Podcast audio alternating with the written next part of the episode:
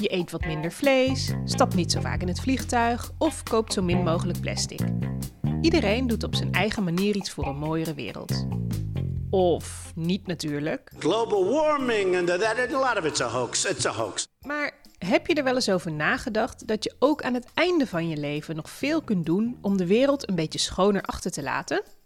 In deze podcast, Groen het leven doorgeven van coöperatie Dela, ga ik, Inge Terschuren, in gesprek met experts van Dela over duurzaam het leven gedenken. Ilse van der Voort is een MVO-gekkie. Dat zijn haar eigen woorden.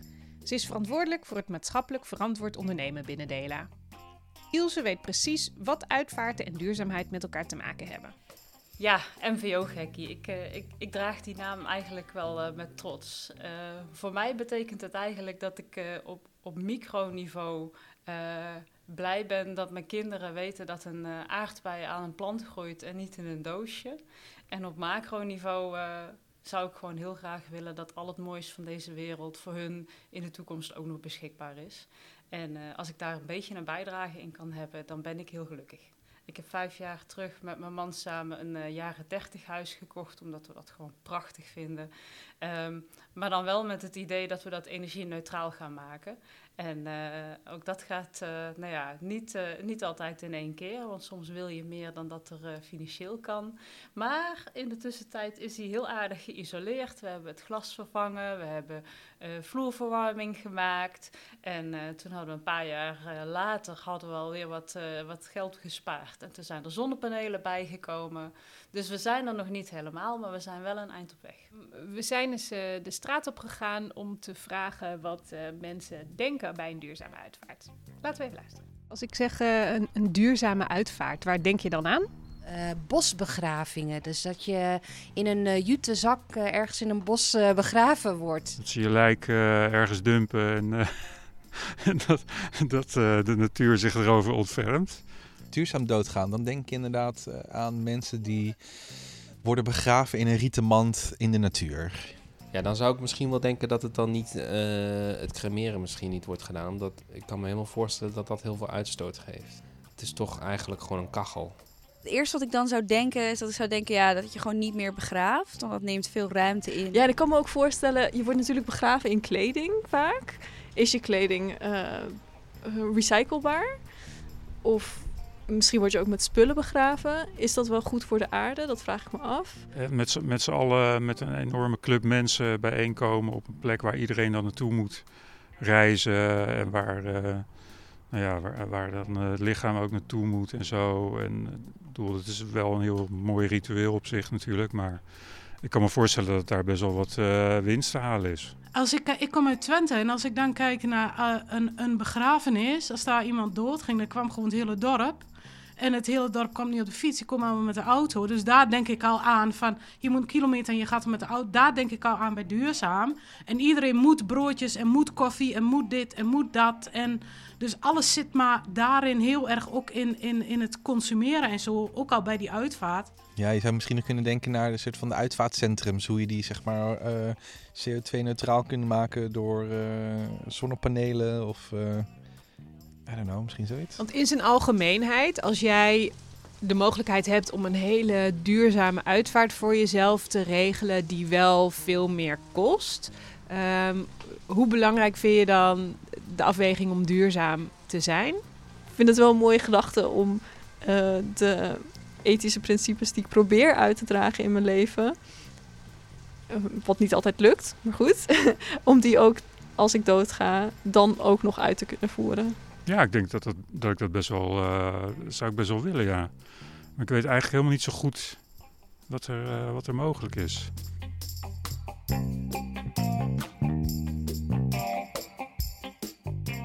Als het over duurzame uitvaarten gaat, hoor je dat veel mensen zeggen iets met de natuur, iets met je lichaam terug naar de natuur. Is dat een beetje het algemeen heersende beeld? Ja, het is in ieder geval een reactie die we vaker horen, inderdaad. Als we eh, vragen over duurzame uitvaart, dat mensen dan toch gaan denken aan. Uh, uh, ja, duurzaam is natuurlijk. Of terug naar de natuur. En en, en hebben het dan over cremeren of begraven. En dan dan komen mensen vaak inderdaad met het idee dat natuurbegraven dan ja, de meest natuurlijke vorm is van eh, een uitvaart. Ja, dat wil natuurlijk niet zeggen dat het ook de meest duurzame vorm is. Nee, dat klopt. Dat, eh, dat, dat is niet zo, zo hard te zeggen. Ehm, en, en voor ons eigenlijk nog belangrijker, ehm, dat is maar één stukje van de puzzel. Er komen nog zoveel andere keuzes bij kijken waar je ook duurzamere keuzes in kan maken. Ehm, en, en, en dat totaalpalet zien wij eigenlijk als de duurzame uitvaart. Je hoort iemand zeggen, uh, cremeren lijkt me niet zo duurzaam, want het is toch een kachel. Anderen zeggen, uh, de bodem zit al zo vol, dus mensen in de bodem is niet duurzaam. Um, hoe verhouden die zich uh, tot elkaar? Wat zou de beste keuze zijn? Nou, het is moeilijk om te zeggen wat nou precies het duurzaamst is. En dat, uh, dat ligt er ook een beetje aan welke aspecten je meeneemt in je beoordeling. Uh, natuurbegraven is, is, zeker een stukje duurzamer dan, dan traditioneel begraven. Dat komt eigenlijk vooral omdat je wat, wat beter kijkt inderdaad naar wat voor kist gaat er überhaupt een kist de grond in. Uh, wat voor kist is dat dan?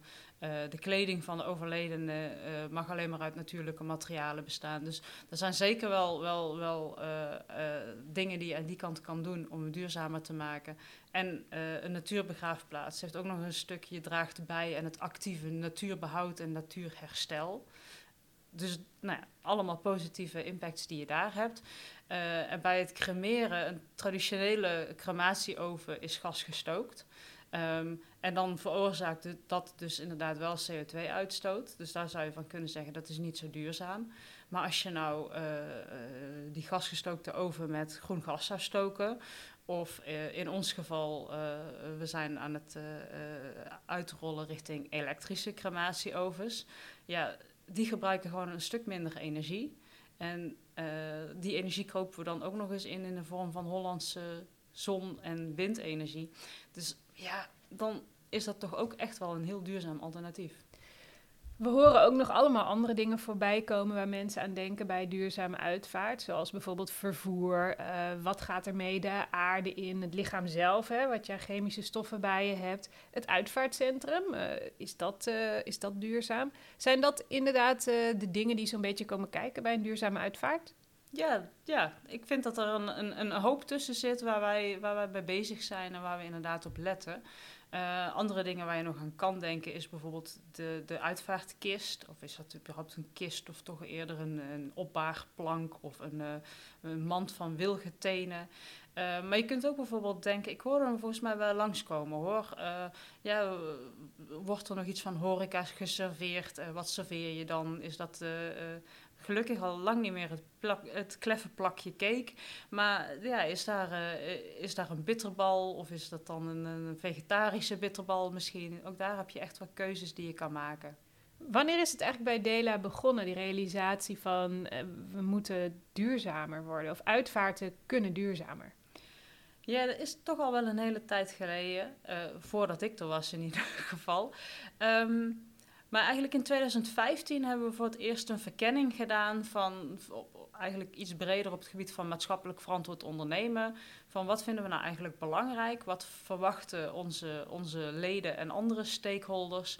En welke betekenis kunnen wij uh, geven of welke bijdrage kunnen we leveren? Dus eigenlijk sinds 2015 hebben we echt MVO-beleid is het niet veel duurder, een uh, duurzame uitvaart. Nee, ik ben er zelf heel erg van overtuigd dat, dat we ervan af moeten dat duurzaam duurder is. En ik wil er ook heel graag vanaf dat we de perceptie hebben dat je uh, met duurzaam minder krijgt. Je moet het gevoel hebben dat je meer krijgt voor hetzelfde geld. Vergelijkbaar als ik jou als, als, als opties geef. Uh, we hebben twee horeca-arrangementen. Ga je voor Bourgondisch of voor duurzaam? Dan gaat er in jouw hoofd heel snel iets aan de gang dat zegt, oh, Bourgondisch, dat is lekker en smakelijk. Oh, duurzaam, dat is bleekselderij. Kun je een beeld schetsen van uh, wat de gemiddelde ecologische voetafdruk is van een uh, uitvaart? Uh, ja, de gemiddelde CO2-uitstoot in ieder geval van een uitvaart is ongeveer 1000 kilo. in 2030 willen we heel graag klimaatneutrale uitvaarten aan kunnen bieden. En dat is best een ambitie, want uh, het stuk waar we zelf direct invloed op hebben, dus onze eigen bedrijfsvoering, daar zijn we echt al heel goed op weg. We hebben in, in, in onze scope 1 en 2 CO2-uitstoot, zoals dat dan heet, die is nog maar heel klein. Uh, dat komt omdat we uh, onze leaseauto's elektrisch aan het maken zijn. We reizen met het openbaar vervoer als het kan.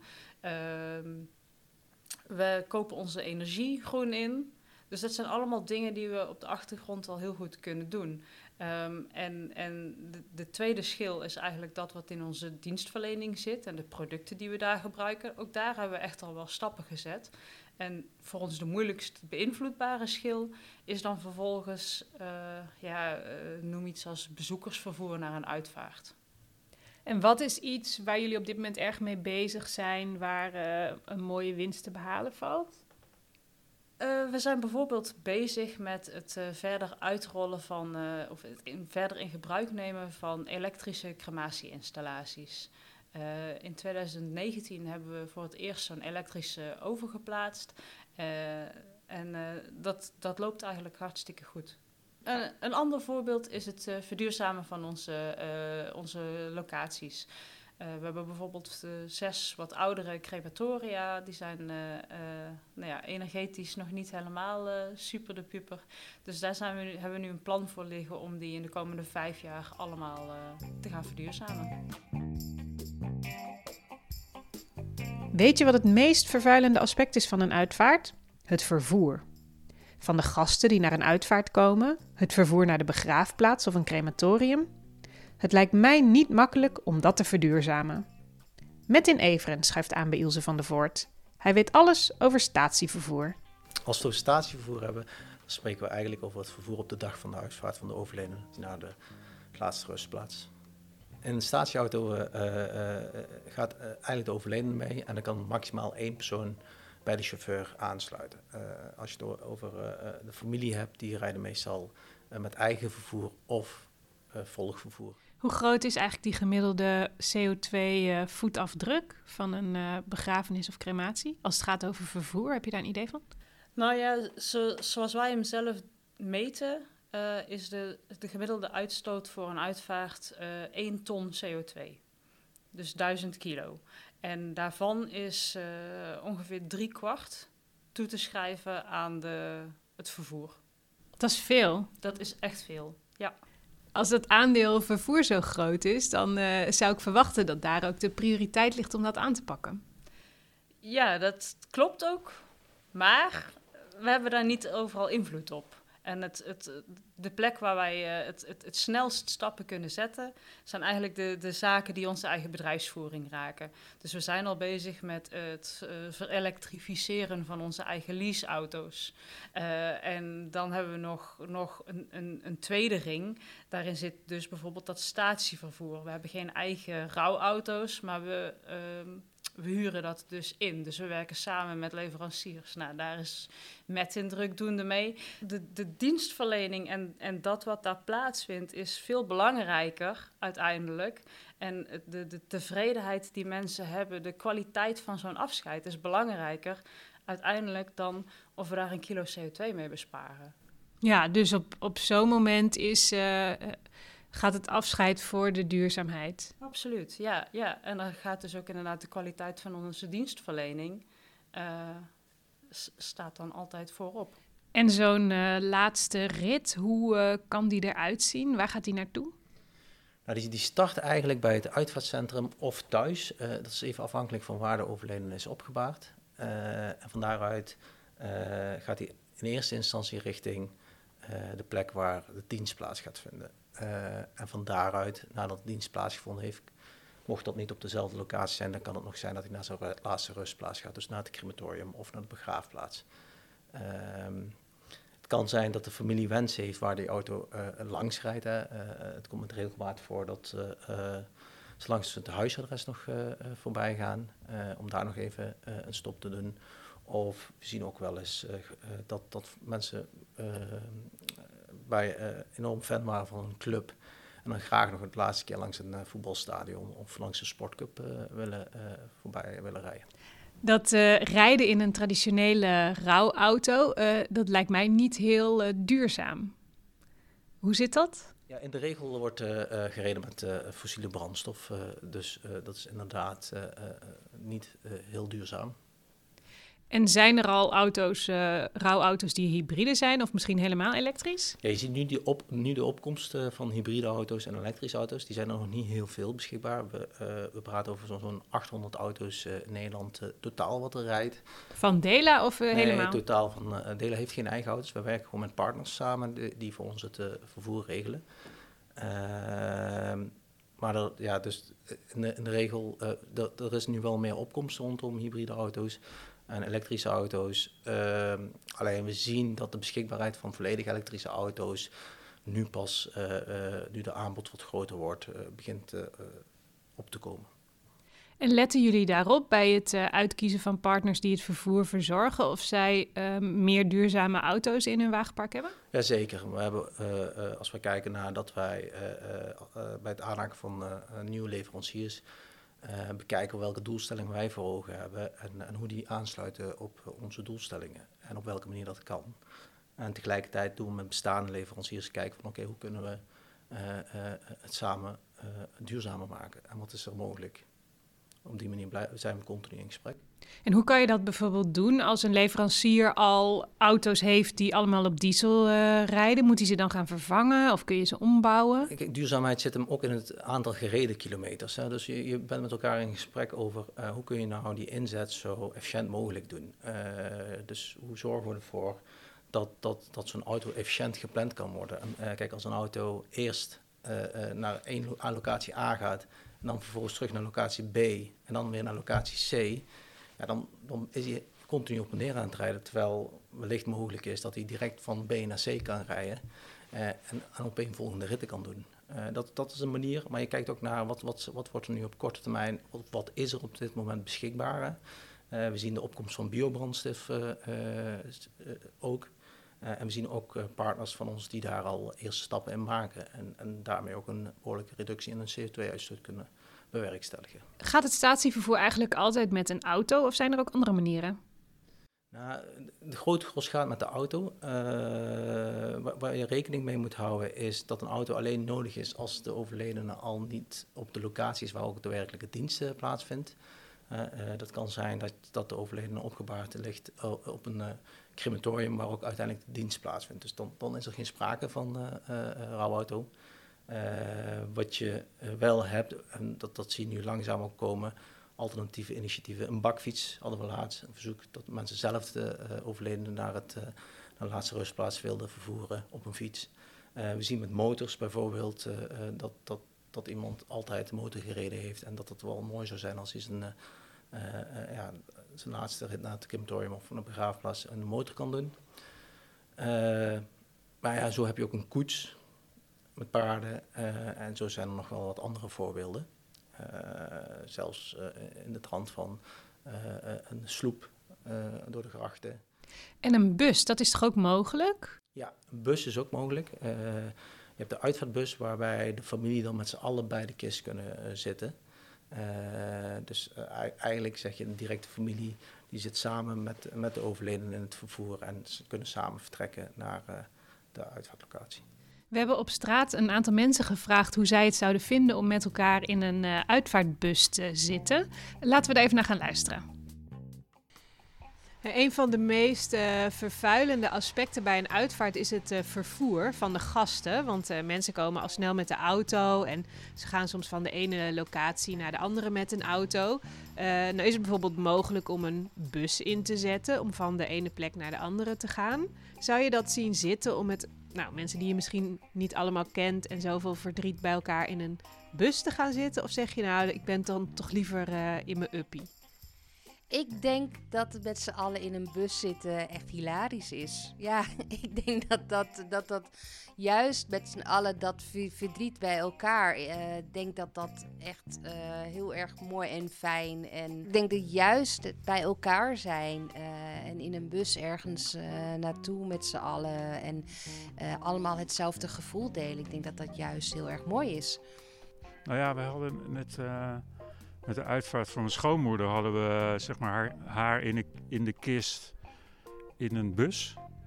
Als, als lijkwagen, zeg maar. En dan gingen we, zeg maar, als naaste familie gingen we, werden we opgehaald door die bus. En dan was die kist was er al in. En gingen we met z'n allen die bus in naar de, naar de plek waar dan de, de dienst was. Dus dat was, ja, vond ik op zich wel heel erg, uh, vond ik wel mooi. Had ook wel een soort van schoolreisachtige vibe, bijna. het was best wel uh, leuk. Ja, het is een beetje raar om dat zo te zeggen. Maar... Soms is het ook best wel afgelegen, zo'n uitvaartcentrum. Nou, ik was al een keer bij een uitvaart en dat was dan echt geen bushalte te bekennen. bij meerdere uitvaarten. En dan denk ik, goh, als je die nou bereikbaarder maakt, dan gaan misschien wat minder mensen met de auto om dat te vervuilen. Want ik vind uitvaartcentra toch best wel vaak een beetje weggemoffeld tussen een paar boerderijen. Uh, heb ik een keer gezien. Of echt ja, heel mooi in de natuur, maar niet te bereiken zonder een auto eigenlijk om eerst maar eens in te gaan op de eerste twee uh, reacties. Twee mensen die eigenlijk heel enthousiast zijn hè, over dat vervoer met de bus. Uh, omdat je samen bent, omdat je kunt delen, omdat het zelfs uh, gezellig is en leuk die woorden vallen. Herkennen jullie dat? Ik kan het me wel goed voorstellen. Je ziet het ook bij bruiloften eigenlijk meer en meer. Dat, dat mensen ervoor kiezen om inderdaad met de daggasten met een bus te gaan. Zodat je ook echt samen bent. En ik denk dat het, het samen zijn rondom zo'n uitvaart ook gewoon heel belangrijk is. En nu zei de laatste spreker, uh, uitvaartcentra zijn vaak best wel afgelegen en moeilijk te bereiken met openbaar vervoer.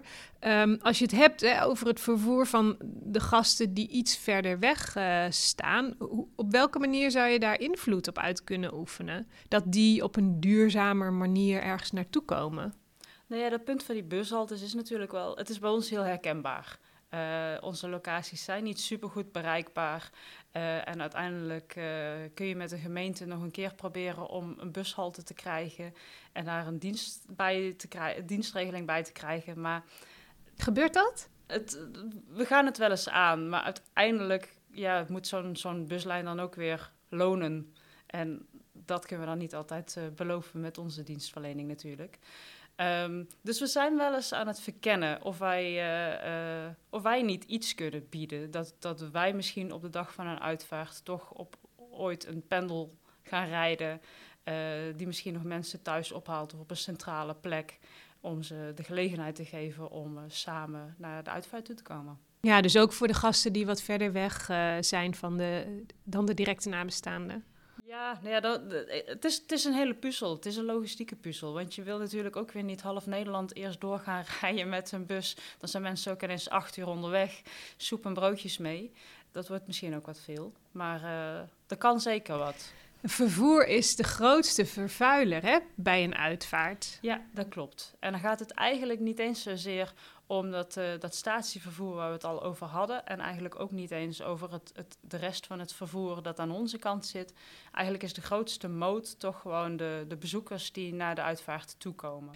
Merk je wel eens dat um, nabestaanden op een kaart zetten, kom met het openbaar vervoer? Of dat zij zelf op enige manier proberen om uh, dat vervoer te beperken? Nou, dat zie ik eigenlijk nog niet zo heel veel terug. Wat we natuurlijk wel de afgelopen jaar heel veel hebben gezien, is uh, tijdens die coronapandemie. Uh, mochten uitvaarten veel kleiner zijn. Je mocht maar 30 uh, mensen op een uitvaart hebben. Uh, dat maakte dat veel mensen ook echt een, een, een, een keuze hebben moeten maken. Uh, en daarvoor zelfs ook heel vaak nog gekozen hebben om die groep nog ietsje kleiner te houden. Om echt alleen de meest intieme kring samen te hebben op een uitvaart. Um, en een effect dat daar ook bij hoort, is dat er dus daarbij ook sneller uh, livestream is uitgevoerd. op alle locaties. Zodat de mensen die er fysiek niet bij konden zijn, de dienst wel mee konden maken. Dat hebben we ook gevraagd op straat. Of mensen het een alternatief vinden om via een livestream aanwezig te zijn uh, in plaats van fysiek. Laten we daar ook even naar gaan luisteren. In deze coronatijd zijn er veel mensen die via Zoom bij een uh, uitvaart aanwezig zijn geweest. Stel dat dat mogelijk blijft om via Zoom bij een uitvaart te zijn. Zou je dat dan als een goede mogelijkheid zien uh, wanneer iemand bijvoorbeeld wat verder van je afstaat? Of je er heel ver voor zou moeten reizen? Ja, ja ik moet nu denken aan Uh, ja, mijn, een groot deel van mijn familie woont in Iran. daar kan ik niet zomaar heen. Eh, want het duurt gewoon een paar dagen om een ticket te boeken, bla bla. Ehm, en soms denk ik zo van, oh stel je voor dat mijn oma zou overlijden. Zou ik er dan nog snel heen kunnen om bij de begrafenis te zijn? Stel je voor dat ik dan via Zoom het zou kunnen bijwonen of zo. Dat zou dan nog wel een optie zijn. Maar het liefst zou ik er wel echt met mijn lichaam bij willen zijn. Ja. Als ik de uitnodiging krijg, zo van hey, het, je kan het via dit zien en dat, eh, dan, eh, dan kan ik. En dan eh, weet ik veel, eh, als, als iemand wat verder weg is, ja. Maar ja, dat is ook weer een beetje een stukje van gevoel. Je wil er bij bepaalde begrafenissen toch wel bij zijn of zo. Je bent wel een hele dag kwijt als je naar een begrafenis gaat. En sommige mensen staan misschien dan net iets verder van je vandaan. Om daar dan een hele dag vrij voor te nemen van je werk. Dat dat misschien wel iets is wat er dan.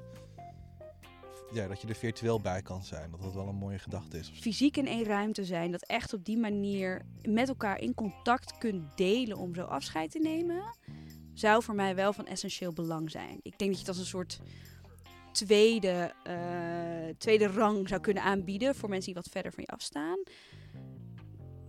Maar ik zou er denk ik altijd voor pleiten om, om misschien kun je dan, nou ja, dat er wel echt fysiek afscheid kan worden genomen. Voornamelijk om de binding met de rest van de mensen. Nee.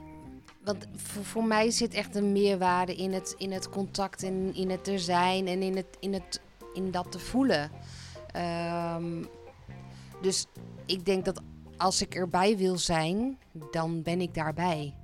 En als iemand wat verder van me afstaat, dan hoef ik daar ook niet bij te zijn. En dan zou ik op een ander moment ehm, ja, dat gesprek aan eh, kunnen gaan of, of eh, de herinnering delen.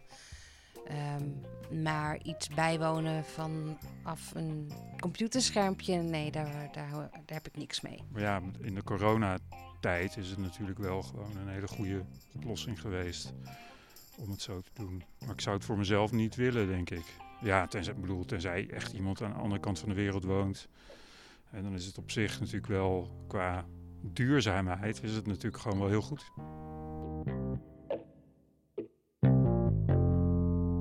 Je hoort vooral, misschien voor mensen die verder weg zijn, is het een eh, goede optie. Maar eh, de meeste sprekers willen toch wel echt die nabijheid en het eh, delen met elkaar. Is dat iets wat jullie herkennen? Nou ja, ik denk dat het heel reëel is. Uiteindelijk is een uitvaart niet alleen een, een, een, een opvolging van handelingen die je doet. Het is ook een beetje een, een, een ritueel, een, een gedenkmoment. eh, waarbij het juist inderdaad het, het samen zijn eh, bijdraagt aan de ervaring. Ehm, in de coronaperiode zagen we wel ook gebeuren dat ehm, er mochten minder mensen aanwezig zijn bij een uitvaart. Uitvaarten waren kleiner. Ehm, voor de direct nabestaanden zagen we eigenlijk wel vaak dat die het als eh, het afscheid als intiemer ervaren hebben. En hebben ook wel vaker gezien dat mensen die eh, voor een grote groep spreken te spannend gevonden hadden, omdat ze gewoon niet goed wisten of ze dan wel hun emoties de baas konden blijven, die dat juist in die kleine intieme groep eh, veel beter durfden. Dus het zou zomaar kunnen dat, dat voor die direct nabestaanden, die heel intieme ceremonie, eh, juist een, een, een gouden randje heeft gegeven op de persoonlijkheid van dat afscheid.